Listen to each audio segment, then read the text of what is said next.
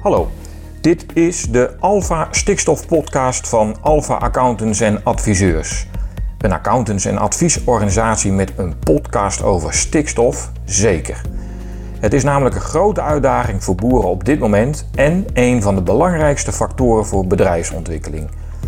Het stikstofdossier leidt tot veel vragen en in deze serie podcasts willen we daar antwoord op geven.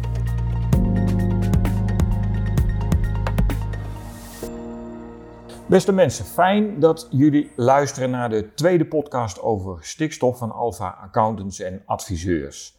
Ik ben Roger Skingmans en ik heb een lange ervaring in de agrarische journalistiek en communicatie.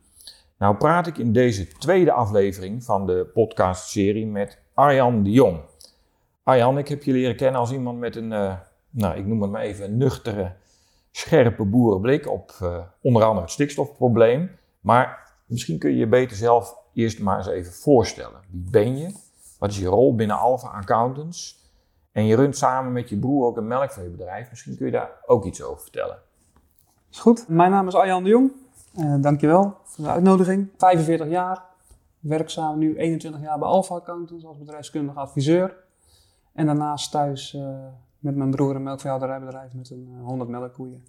Oké, okay. wat kun jij betekenen voor, voor melkveehouders? Ook in relatie tot het stikstofprobleem waar we straks wat dieper op ingaan. Hè? Wat, betekent jij als bedrijfskundige adviseur?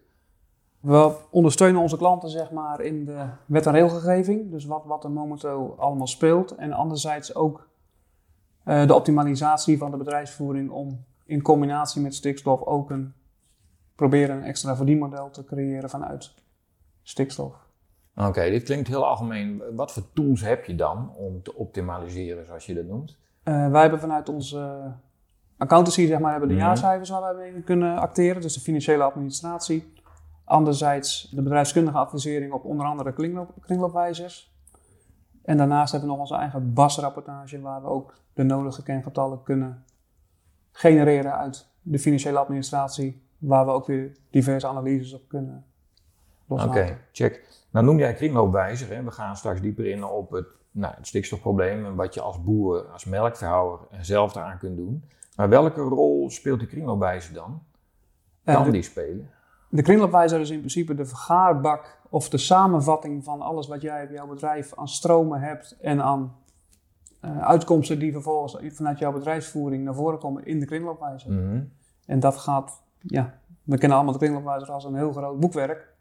Maar in het grote boekwerk staan wel degelijk een heleboel kengetallen en, en, en cijfers, waarmee je dus ook conclusies kan trekken en mogelijk ook kan sturen links of rechts. Alright, goed. Belangrijke tool dus voor mij als melk. Wanneer je hem goed gebruikt en goed, goed invult, zeg maar, dan is die wel degelijk te gebruiken. Oké. Okay. Mooi. Ik wil samen met jou eigenlijk Arjan voortbeduren op de eerste podcast met Harm Rijneveld. Kijk, hij vertelde in die podcast met zoveel woorden dat het terugdringen van de stikstofuitstoot en daarmee de stikstofdepositie, want daar gaat het uiteindelijk om, dat begint eigenlijk op het boerenerf. Via management, zo vertelde hij, kun je volgens hem nog het nodige doen, waarbij je ook nog eens kosten bespaart als boer en dat je dus geld oplevert. Hoe kijk jij daar nou als bedrijfskundige bij Alfa tegenaan? Uh, daar sluit ik me volledig bij aan, zeg maar. Uh, optimaliseren van bijvoorbeeld voerkosten, van bijvoorbeeld kosten van meststoffen, optimalisatie van je veestapel, zoals Harm die ook besproken hebt, ja, die leveren ook direct geld op in de portemonnee van het boerenerf. Ja, ja. Arjan, jij hebt mij eerder verteld dat jij er tegenaan kijkt dat je, je kunt maatregelen nemen aan de voorkant en aan de achterkant. Volgens mij bedoel je aan de voorkant, daarmee bedoel je, ik noem het maar even managementknoppen waar je aan kan draaien. Aan de achterkant, daar komen we verderop in het gesprek wel, uh, wel over te praten.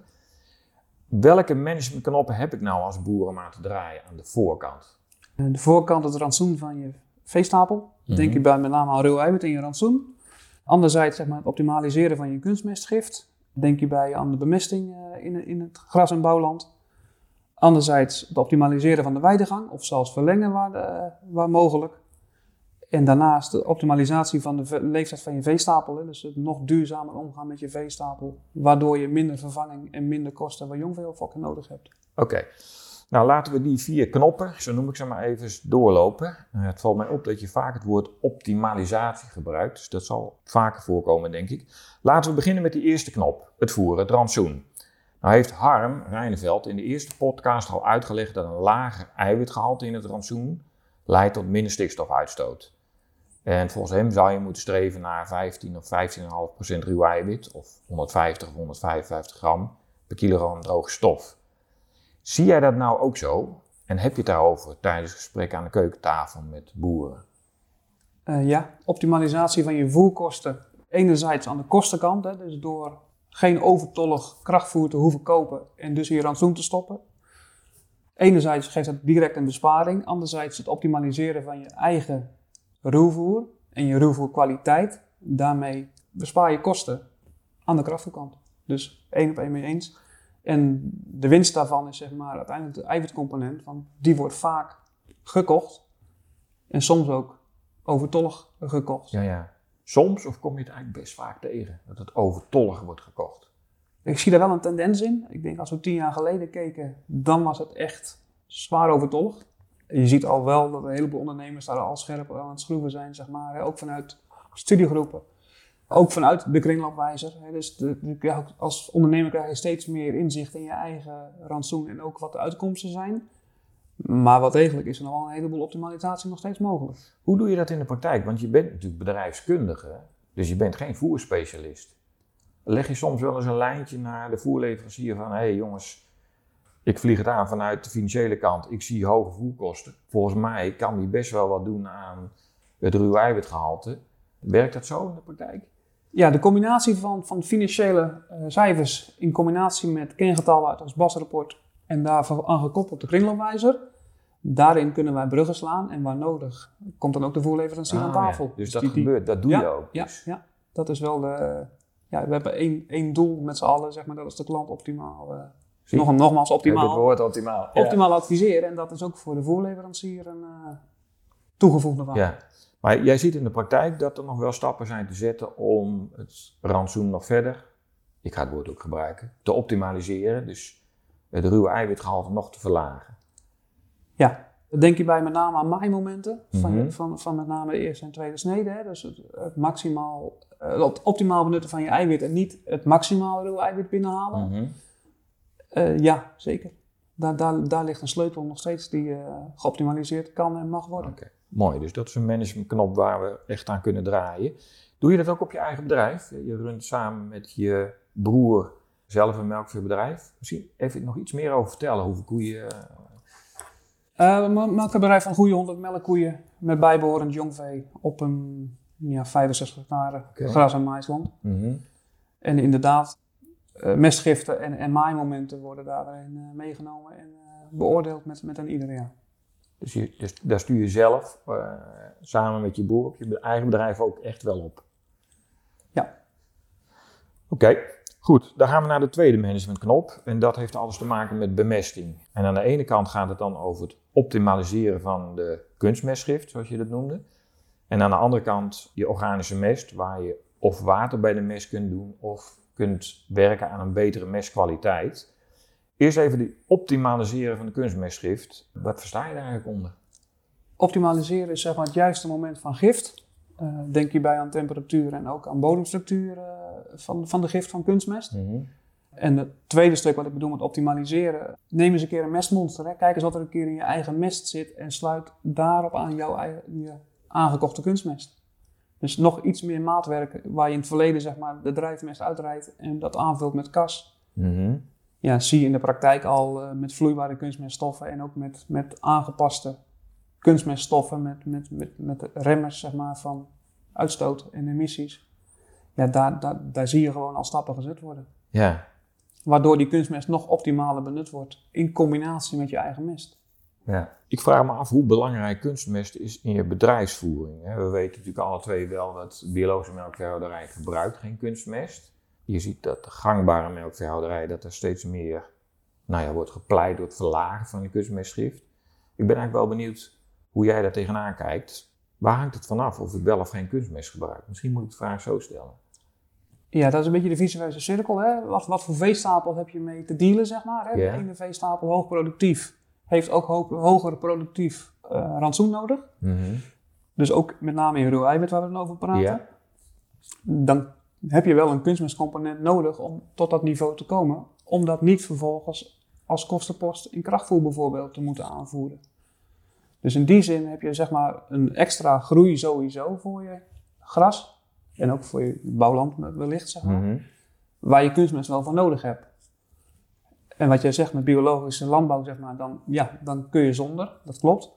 Alleen ik denk als we de hele gangbare landbouw eh, op slot zetten zonder kunstmest, ja, dan hebben we in het rantsoen wel een serieuze uitdaging. Oké. Oké.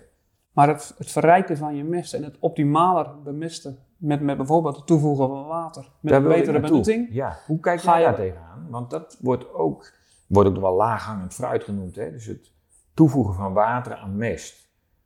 Ja, Zie je dat ook als laaghangend fruit? ja Makkelijk 100, toe te 100 passen? procent. Zeg maar, Ja? ook ook met, met, met de zomers die we de laatste jaren gehad hebben, zeg maar, Mhm. kun je eigenlijk niet meer zonder water bij je mest. En, en, en doe maar voor de grap op een perceel een keer met de tank zonder eh, water uitrijden en met sleepslangen ernaast. Bijvoorbeeld met water. Ja. En elke, elke veehouder kan zien zeg Ja? wat, er, wat er gebeurt in het land. Zeg maar. ja, die benutting is gewoon vele malen beter. Dus dat is echt fruit. Dat moet Dat is gewoon doen met z'n laaggang. allen. Ja, precies. Ja. En ook, ook zeg maar, met, met de vochttoestand van onze bodem. Ja, je, je kan haast niet meer zonder vandaag. dag. Ah, grappig. Je kunt haast niet meer zonder. Arjan, de derde knop, eh, zoals ik dat maar even noem, is het verhogen van de weidegang. Kun je, kun je eerst eens uitleggen hoe dat nou zorgt voor minder ammoniakemissie? Het, het verlaagt de ammoniakemissie ten opzichte van het opstallen, omdat zeg maar, ammoniak ontstaat bij het vermengen van urine en mest. Mhm. Eh, bij weidegang worden deze apart uitgescheiden door de dieren, waardoor deze ammoniak niet plaatsvindt. Dus daar zit de winst, zeg maar. Het verhogen van je weidegang moet je denken, denk ik, met name in het voorjaar het optimale benutten van je weidegras. En wellicht ook in het najaar, indien het, indien het klimaat dit toelaat, zeg Ja. maar, en de draagkracht het ook toelaat. Mhm. En waar mogelijk is ons advies, doe het dan ook. Mhm. En aan de andere kant, zeg maar, ook de, wat een bijkomend effect is in, in de huidige of toekomstige wet en regelgeving, is zeg maar het nieuwe GOB, wat ook extra weideuren en financiële prikkel geeft, waardoor je mogelijk van de categorie brons naar zilver of goud kan komen. Ja, En dat is dan vervolgens een eh, extra vergoeding van brons is 60 euro, zilver 100 euro en, en het gouden zelfs een 200 Right. euro. dus dan praat je ook nog eens over serieus geld. Ja, het kan Ja. serieus geld opleveren Ja. aan alle kanten. Ja. Over optimaliseren gesproken. Oké, dat is de knop weidegang. Nog één ding daarover, Arjan, want is, zie, zie jij weidegang als must? Jij en ik weten natuurlijk dat er, nou, er zijn best een aantal, er zijn best veel melkveehouders die gewoon altijd opstallen. Ja, ik denk als je de tendens de laatste jaren ziet dat weidegang sowieso meer populariteit krijgt. Eh, je hebt wel één groot, grote maar. Het moet wel kunnen op je, op, je, op je erf en locatie. Naar mijn mening, als het kan, moet je het doen, zeg maar. Want als je het niet doet, je gaat wel optimaler werken in je bedrijfsvoering. Mhm. Alleen je laat ook wel heel veel geld liggen vandaag de dag, zeg maar, vanuit onder andere een melkfabriek en, en zoals we zojuist besproken, het GLB. Ja. En daarnaast, ja, qua dierwelzijn, eh ja, je hebt altijd uitzondering qua temperaturen, maar als je daar praktisch en tactisch mee omgaat, ja, is het weiland nog steeds wel een van de beste welzijnsplekken Oké. voor onze, onze melkvee. Dat is mooi gezegd. Als, dus als het kan, doen. Ja, dus niet met 35 graden, zeg maar. Dus Nee, maar dat, dat is- dat bedoel ja. ik eigenlijk te zeggen. Oké. Nou, de laatste knop waar je kan draaien, dat zit meer in het veemanagement. Dus een langere levensduur en een een minder, minder jong vee. Heb jij streefwaarden als het om deze twee knoppen gaat? Dus hoe je langer meegaan en minder jong vee? Ja, ze zijn sowieso inherent aan elkaar. Eh streefwaarden sowieso proberen richting die 6, 6, 7 jaar te gaan. En denk daarbij ook aan de financiële prikkel, bijvoorbeeld bij Friesland Campina, met, met een, afvoerleeftijd van minimaal 6 jaar en 8 maanden. Ja, probeer dat als streven aan te houden. In Focus Planet bedoel je? In focus, Ah, oké, inderdaad. Ja, ja. Mhm. En probeer dat als streven aan te houden. We zien de afvoerleeftijd en, en eh, productie, eh, productiehoeveelheid bij afvoer zien we al toenemen de laatste jaren. En dat in combinatie met alles wat er nog aan zit te komen qua regelgeving, eh, denk hierbij aan de derogatiegeluiden van deze week. Ja, is het eigenlijk een must om, om zeg maar zo optimaal mogelijk met je veestapel op het erf om te gaan. En dat is enerzijds je koeien ouder laten worden met een optimaal vervangingspercentage, waardoor je dus of minder hoeft aan te kopen of sowieso minder jong hoeft op Ja, te ja. fokken. Ja, Zeg je nou, want je, laat het woord, je noemt het woord derogatie, dat dat een extra stimulans is om aan die knoppen te draaien, die vier knoppen die, die we net hebben doorlopen. Om, want hoe optimaler je bedrijfsvoering, des te lager je stikstofuitstoot en daarmee depositie is. Maar ook dat je efficiënter met alles omgaat. En Ja. dus beter uit voeten kan tegen de achtergrond van de derogatie die nu stapsgewijs wordt, gaan, wordt afgebouwd. Ja, als, als die afbouw eh, daadwerkelijk plaats gaat vinden, Mhm. krijg je dus een lagere plaatsingsruimte van met name stikstof op je eigen grond. Wat je dus kan oplossen door een kleinere, optimalere veestapel, met name aan de kant van het jongvee. Ja, alright. Dus een extra stimulans. Oké, dit zijn de vier knoppen aan de, aan de voorkant. Toch, Arjan pleit eh, de belangenbehartigers aan tafel bij de bemiddelaar Johan Remkes. En we zitten allemaal te wachten op zijn bevindingen die binnenkort gaan komen. Om in te zetten op wat dan wordt genoemd het innovatiespoor. Hè. Dus via techniek is de ammoniakuitstoot nog verder te verlagen. Dus dan hebben we het over stal, aanpassingen, vloeren en ingewikkelde systemen met stikstofkrakers en zo. En soms is dat zelfs een verplichting in de provincie Brabant. Hoe kijk jij daar nou tegenaan? En dan moeten we ook even meenemen, Arjan, want net voordat we aan deze podcast begonnen, lazen we dat de Raad van State in hoger beroep de eerdere uitspraak van de Utrechtse rechtbank heeft bevestigd. Dat is best wel wat nieuws, want dat betekent dat die zaak ging namelijk om drie melkveehouders in de provincie Utrecht en die mogen toch niet uitbreiden, ondanks de investering in specifiek twee stalsystemen. En nou, volgens die hoogste bestuursrechten, de Raad van State, zijn die achterliggende berekeningen met betrekking tot emissieverlaging op zijn minst onzeker. Wat, wat, wat, wat betekent dit nou? Ja, om te beginnen zeg maar, zijn we vanaf 2015 verplicht om emissiearm te bouwen. Dus dat Wet- zijn we al. Dat zijn we eigenlijk gewoon verplicht. Bij nieuwbouw, je refereert aan Brabant, daar wordt zeg maar, nu geëist dat ook bestaande stallen zeg maar, aangepast Precies. gaan worden. En inderdaad, de uitspraak zoals die zojuist voorbij gekomen is, ja, die heeft hier wel weer een eh, zeer sterke invloed op, omdat die eigenlijk gesuggereerd, of eigenlijk vastgelegd is dat die emissiereducering niet, niet plaatsvindt, mits je dat zeg maar kan aantonen. Dus enerzijds moet je, Mhm. en anderzijds doe je het met de kennis van nu, heb je het niet goed gedaan. Ja. En dat is wel een hele bijzondere eigenlijk. eh. ja. Werpt dat dan toch een ander licht op dat pleidooi voor het innovatiespoor, voor stalaanpassingen, Ja, een, met an- deze uitspraak? een ander bijkomend effect. eh, we hadden het net over welzijn of verlenging van leeftijd van dieren. Ja. Het verschil tussen bijvoorbeeld alleen betonnen roosters of roosters met een rubberen component Mhm.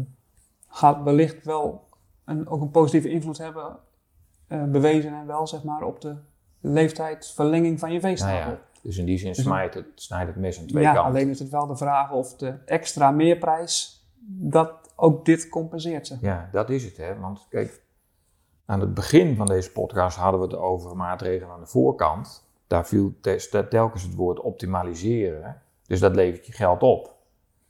Dit, dit soort dingen aan de achterkant, zoals je dit noemt, eh, ja, die kosten mij geld. Het moet. Ja, die kost in eerste instantie een extra investering, Ja, maar het is een verplichte investering, dus ontkomen is eigenlijk bij nieuwbouw was geen optie. nee, Je moest. ja, Ja, en vervolgens zullen er wel een aantal financiële voordelen zijn, wat ik zeg met bijvoorbeeld eh, verlenging van de leeftijd van je veestapel. Mhm. Alleen of ze elkaar gaan dekken, dat is nu wel een grote vraag. Ja. En daarin kun je als bedrijfskundige een belangrijke rol spelen. Dus als ik als boer bij jou aanklop, dan, eh, dan moet de rekenmachine op tafel komen. Klopt. Of moet je bijvoorbeeld eh, denken aan een bestaande stal met een andere type vee in de stal. Hè? Dat is in de praktijk ook al gebeurd. Hè? Denk daarbij aan de Jerseys. Dat moet je even uitleggen. Wat bedoel je? Nou, als je bestaande stal zeg maar, voor de grotere dieren niet meer eh maatgevend Ja. is, kun je misschien ook een keer Ah, andersom denken, out of the box denken, door een ander type vee in je stal te stoppen. Heb je dat een keer eh, gedaan, ja? Dat is in de praktijk Ja? eh, gebeurd. Ja. Oké. Dat is ook geen wet van mede en persen, maar Nee, nee, nee. bedrijfsspecifiek kan het ook een oplossing zijn. Ja, dus eigenlijk zeg je, er zijn gewoon vele wegen die naar Rome kunnen leiden. Alleen zo'n uitspraak als, uh, als vanochtend, met betrekking tot uh, die stalsystemen in de Raad van State, dat zorgt wel weer even voor een blokkade op, op een weg die je mogelijk hebt gekozen. Het, het, hing al wel in de lucht dat dit mogelijk ging gebeuren. Mhm. ja, het lijkt nu concreet te worden en het gaat ook invloed waarschijnlijk hebben op de verhalen van, of de uitkomst van Remkes, zeg maar. Oké. Nou, um, Arjan, dankjewel voor dit, um, ja, ik zou zeggen, mooie en inhoudelijk volgens mij super nuttige gesprek. En tot jullie die luisteren zeg ik, fijn dat jullie hiernaar hebben geluisterd. Er wordt veel gepraat over stikstof. Maar ik hoop dat we in deze podcast dat hebben teruggebracht naar wat praktisch hanteerbaar is. En daar gaan we mee door. De volgende podcast zal zijn met een melkveehouder die vertelt wat hij zelf heeft gedaan, doet en nog gaat doen om de stikstofuitstoot op zijn bedrijf te verlagen. Voorlopig zijn we nog niet uitgepraat over stikstof, dus ik roep tot de volgende podcast. Tot de volgende. Fijn dat je hebt geluisterd naar deze aflevering van de Alpha Stikstof Podcast. Alle afleveringen zijn terug te vinden op www.alpha.nl/stikstof. Heb je nou vragen, opmerkingen of misschien zelfs een suggestie voor deze podcastserie? Mail dan naar communicatie.alpha.nl.